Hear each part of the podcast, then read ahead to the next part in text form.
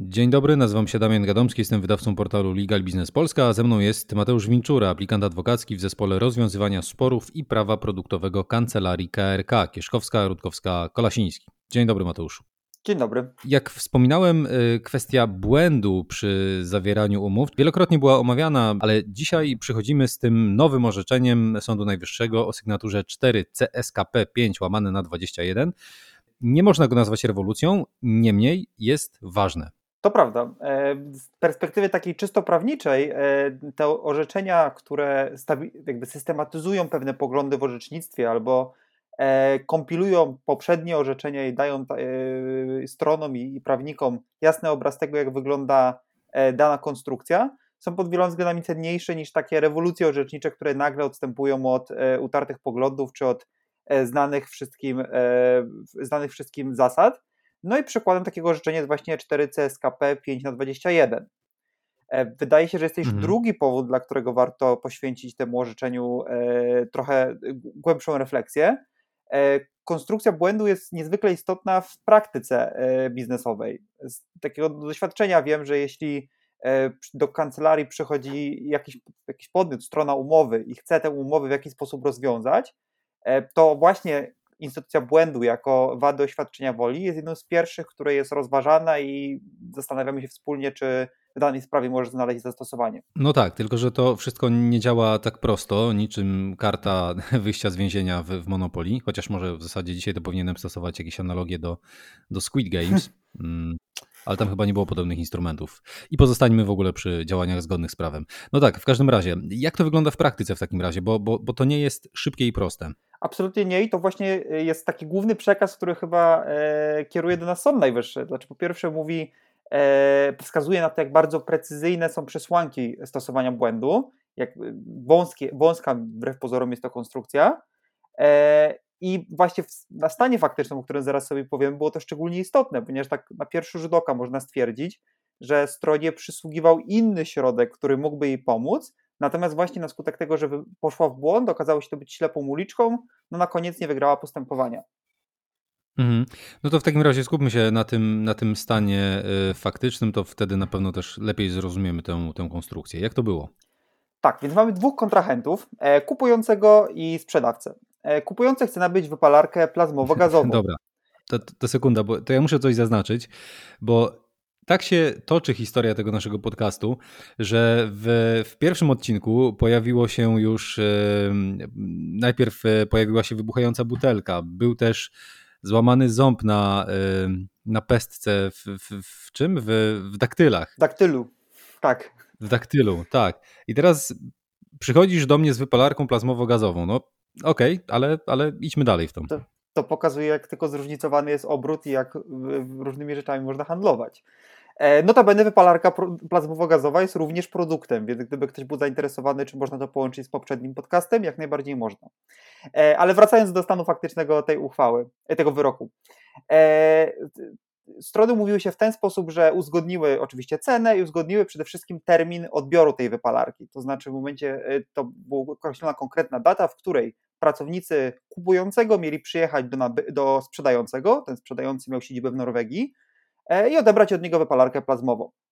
E, kiedy termin nadszedł e, to i ci pracownicy kupującego przyjechali tam do Norwegii, no to sprzedawca odmówił wydania wypalarki, powołując się na fakt, że on jeszcze nie kupił sobie nowej i potrzebuje tej starej. No i mhm. rzeczywiście, co prawda, ta wypalarka miesiąc później została doręczona, dostarczona do kupującego już na koszt sprzedawcy, ale kupujący odpowiedział, że on nie jest zainteresowany, ponieważ bardzo zależało mu na tym terminie. On kupił już od innego nabywcy e, ten sprzęt e, i wreszcie powołał się na błąd co do okoliczności, to znaczy powiedział, że gdyby wiedział, że wydanie sprzętu jest uzależnione od tego, czy sprzedawca kupi sobie, sam kupi sobie nowy, to nigdy nie zgodziłby się na umowę. I na tej, właśnie na, tej, na takiej kanwie powstał spór dotyczący tego, czy aby na pewno błąd jest tutaj właściwą konstrukcją. Mhm. Ale gdyby się nad tym zastanowić, to te wyjaśnienia kupującego są całkiem logicznie. To dlaczego nie podzielił ich Sąd Najwyższy? Rzeczywiście tak podskórnie e, trochę sympatyzujemy chyba tutaj e, z trochę oszukanym e, nabywcą sprzętu. E, natomiast Sąd Najwyższy przede wszystkim wskazał, że na czym polega błąd, a potem wyjaśnił, dlaczego nie znajduje w tej sprawie zastosowania. A więc po pierwsze, błąd to niezgodność pomiędzy rzeczywistością, a jej odbiciem w świadomości podmiotu. A mówiąc bardziej potocznie, jest to e, pewno, jest, oznacza bycie w błędzie, czyli mylne przyjmowanie, że jakieś okoliczności czy jakieś fakty są prawdziwe, podczas gdy w istocie nie są. Nie obejmuje to e, na przykład możliwości prawidłowego wnioskowania lub dedukcji. Chodzi jakby stricte o, o sferę takich faktów, które mogą być e, obserwowane i mogą być postrzegane. Druga rzecz, która jest bardzo istotna, którą powiedział Sąd Najwyższy, to jest ten moment, na który oceniamy, czy strona w ogóle mogła być w mhm. błędzie, czy mogła w ogóle się mylić co do okoliczności faktycznych. E, I tym, tym chwilą, która nas interesuje, jest moment zawarcia umowy. Czyli to, co się stało później, nie może być objęte wiedzą lub niewiedzą mhm. strony umowy, no bo to się jeszcze nie wydarzyło, więc ona może co najwyżej przypuszczać e, pewne rzeczy. E, I żeby tak może to zobrazować, to na przykładzie tego stanu faktycznego, który, który wcześniej przedstawiliśmy, tutaj problemem było to, że strona miała zastrzeżenia do późniejszego niewykonania umowy. A więc po pierwsze, taki fakt niewykonania to nie jest jakaś sfera mhm. rzeczywistości, do której można mieć pewne e, pewną wiedzę i pewne mylne wyobrażenie, no a po drugie mówimy o wydarzeniu przyszłym i niepewnym. W momencie zawierania nie wiemy, czy kontrahent wykona tę umowę, czy nie. Tu się okazało, mhm. że nie, ale to nie, jest, to nie jest sfera błędu, to nie jest sfera wady oświadczenia woli. Mhm. Czyli mimo, że pada tu ta fraza, tego nie wiedziałem, że dasz mi tę wypalarkę dopiero, przepraszam, wypalarkę plazmowo-gazową, dopiero wtedy, kiedy kupisz sobie nową, to jednak nie mamy tu do czynienia z błędem e, w tej definicji prawnej, o której mówimy. Ale to w takim razie, by jeszcze raz to podkreślić i dobrze zobrazować, czy wręcz uplastycznić przy okazji tej wypalarki, e, to czym w takim razie mógłby być błąd w tym przypadku? Tak, myślę, że rzeczywiście to będzie dobry pomysł, żeby przedstawić ten kontrast między e, co się wydarzyło w kazusie, a co mogłoby się wydarzyć i uzasadniałoby błąd. Ale dalej trzymajmy się wypalarki, dobra? Oczywiście, wypalarka myślę, że jest tutaj bardzo wdzięcznym, wdzięcznym dla nas przykładem do rozważań.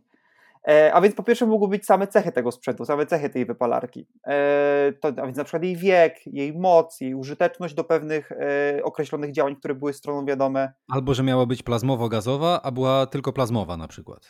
tak, tak, rzeczywiście tak. Gdyby strony były przekonane, że umawiają się na trochę co innego, niż w istocie dany przedmiot wyglądał. To zresztą jest bardzo częste w przypadku innych produktów czy rzeczy, na przykład samochody. Jeśli się mamy do czynienia z samochodem, że tak powiem, sztucznie odmłodzonym, to wówczas możliwe jest faktycznie powołanie się na błąd przy jego sprzedaży, kiedy prawda wyjdzie na jaw, że on jednak nie jest, ale, nie ma 10 ale, lat, tylko 15. Ale dyplomatycznie to nazwałeś sztucznie odmłodzonym. Yy, Okej. Okay. Tak, żeby nikomu tutaj nie zarzucać jakiejś złej woli, powiedzmy, że y, nawet jest, to jest istotne, sprzedawca wcale nie musiał o tym wiedzieć, to jest po prostu mhm. pewna sfera faktyczna. E, natomiast jeśli powinien był przewidzieć, to, to wówczas e, jak najbardziej może istnieć ten błąd. Ale mhm. E, błąd to również e, w pewnych wąskich przykładach także e, mylne wyobrażenie osoby sprzedającego. Na przykład, gdyby obie strony były przekonane, że, przepraszam, gdyby kupujący był przekonany, mhm. że to sprzedawca jest właścicielem tej wypalarki, może nią w pełni swobodnie rozporządzać, a potem okazało się, że to wcale tak łatwo nie jest, bo jest obciążona jakimś prawem osoby trzeciej, albo w ogóle nie jest właścicielem tej wypalarki, to wówczas również byłby błąd. Mhm. To, co chciałbym tutaj podkreślić, to jest właśnie fakt, że te okoliczności, o których przed chwilą powiedziałem, to jest coś rzeczywiście, co do czego można być w błędzie, co istnieje w chwili zawierania umowy, e, a co do czego kupujący może nie mieć świadomości i potem powiedzieć, a gdybym wiedział, to bym w życiu tej umowy nie zawarł. Mhm. I czy w takim razie te, te przesłanki, o których mówisz, to, to już wystarczy, żeby wygrać spór i udowodnić ten błąd i, i tak naprawdę doprowadzić do unieważnienia umowy, do stwierdzenia nieważności umowy? Są jeszcze takie dwie przesłanki, o których Sąd Najwyższy tutaj akurat nie powiedział, bo nie było mu to potrzebne w tym konkretnym stanie faktycznym, e, ale po pierwsze, w przypadku umów, błąd co do zasady musi być albo wywołany przez drugą stronę, a więc ona wie i celowo wprowadza nas w błąd, e, albo przynajmniej jest to błąd, który ona z łatwością mogła zauważyć, ale mówiąc potocznie, machnęła ręką, uznała, że jej korzyść. E, to jest jedna przesłanka, a druga jest taka, aby ten błąd był istotny. To, e, istotność błędu definiuje się w ten sposób, że e, dotyczy takiej okoliczności, czy ma taką postać, że można racjonalnie sądzić, że gdyby strona umowy nie była w błędzie, to wówczas w ogóle by tej umowy nie zawarła. A więc nie może to mhm. dotyczyć jakiejś, jakiegoś szczegółu czy bardzo drobnego aspektu, tylko musi mieć jakiś racjonalny wpływ na, na wartość gospodarczą umowy, na jej znaczenie dla strony, która mhm. się na błąd powołuje. E, okazuje się zatem, że nawet jeżeli mamy do czynienia z takim błędem i rzeczywiście nie wiedzieliśmy czegoś, e, o, o produkcie, który kupujemy, to nie tak łatwo doprowadzić do tego pozytywnego dla nas rozstrzygnięcia, bo jeżeli mówimy jeszcze, że tu zachodzi taka przesłanka, przesłanka istotności tego błędu, to wracając do przykładu samochodowego, tak się zastanawiam, czy jeżeli samochód miał przekręcony licznik o 50 tysięcy kilometrów do tyłu, to wtedy mamy już do czynienia z istotnym błędem, bo nie wiedzieliśmy, że, że ma e, za sobą dodatkowe 50 tysięcy kilometrów, ale gdyby miał przekręcony licznik o 5000 km, co nie masz takiego wpływu na eksploatację, to równie dobrze można by dojść do wniosku, że to nie był aż taki istotny błąd i że być może gdybyśmy wiedzieli, że on ma 125, a nie 120, to i tak byśmy go kupili i wtedy tej przesłanki też nie dałoby się zastosować, tak? Że jest dokładnie tak, jak mówisz. E, to znaczy, to, jest bardzo, to są takie sprawy bardzo kazuistyczne i zawsze trzeba spojrzeć na konkretną sprawę, ale faktycznie może być tak, że pewnie niewielkie różnice w przedmiocie umowy, tak jak powiedziałeś, nieznacznie mm. na przykład błąd, nazwijmy to bardzo tak e, dyplomatycznie, błędem licznika, który wskazuje nieco mniej niż ma naprawdę, okay. nie zawsze będzie uzasadniał e, powołanie się na błąd, natomiast oczywiście im znaczniejsze będzie to, że tak powiem, odmłodzenie samochodu sztuczne, mm -hmm. tym bardziej prawdopodobne, że powołanie się na błąd odniesie skutek i będzie skuteczne mm -hmm. w kierunku stwierdzenia, jakby unieważnienia tej umowy. Mhm. Można mieć tu pewne poczucie niesprawiedliwości, bo jednak e, chciałoby się w takim prostym, prostym patrzeniu na te sprawy mm, mieć jasną sytuację, że zawsze tam, gdzie zostałem oszukany, gdzie wprowadzono mnie w błąd, to, e, to prawo powinno stać po mojej stronie, powinienem mieć możliwość unieważnienia tej umowy, ale jednak tu są pewne dodatkowe przesłanki. To uczucie niesprawiedliwości może też towarzyszyć w sprawie tej naszej wypalarki plazmowo-gazowej, bo e, jednak ten kupujący musiał pojechać do tej Norwegii mm, i spotkać się z odmową. Błędu nie było, ale czy w takim razie, czy mógł i jak wygrać tę sprawę? Tak, z tego co wiemy o stanie faktycznym, oczywiście, bo my go powtarzamy, że tak powiem, za sądami nie, nie było nas tam w tej Norwegii, żeby rzeczywiście to zweryfikować, ale przyjmując, że to, co przyjął sąd, jest prawdziwe, e, to na pierwszy rzut oka widać, że tutaj byliśmy raczej w tak, już w sferze nienależytego wykonania, czy w ogóle niewykonania umowy e, przez e, sprzedawcę, a więc że umówił się na, wyda na wydanie sprzedanej rzeczy w pewnym terminie i tej umowy nie wykonał. I w takim przypadku nasz polski kodeks cywilny przewiduje inne środki ochrony dla tego kupującego. Jest to oczywiście przede wszystkim, nie chcę tutaj wchodzić zbyt głęboko, ale instytucje związane z odstąpieniem mm. od umowy, a więc zakończeniem umowy, która trwała, było, wszystko było w porządku zawarte, tylko po prostu została niewykonana, albo również także kwestie odszkodowania e, w tak zwanym ogólnym reżimie kontraktowym w związku z zawinieniem, zawinionym, e, zawinionym niewykonaniem e, mhm. umowy. W każdym razie, kiedy mamy jakiś problem z umową czy mm, z produktem, czy z tym, jak wykonywana, e, czy z tym, jak, jaki produkt jest dostarczany, to to, czy nie doszło do zawarcia umowy pod wpływem błędu, jest pewnie jednym ze scenariuszy, który trzeba na początku rozważyć. Zdecydowanie tak. Tak jak zresztą e, powiedziałem, e, kiedy zastanawiamy się nad tym, jak zakończyć, tak powiem najogólniej jak się mhm. da, stosunek umowy, to wady oświadczenia woli, w tym błąd, który jest bardzo popularny i jakby mimo tego, że tak powiedziałem, że on jest bardzo wąski, to w gruncie rzeczy można sobie wyobrazić multum stanów mhm. faktycznych, mm. w którym będzie on dla strony pomocny. Błąd jest jednym z takich instytucji, które na początku rozważamy i analizujemy. A to jest to życzenie, które systematyzuje y, wszystkie kwestie prawne związane właśnie z tym błędem i zawieraniem umów pod wpływem błędu.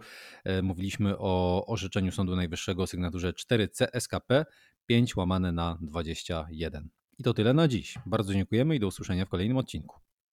Dziękuję, do widzenia.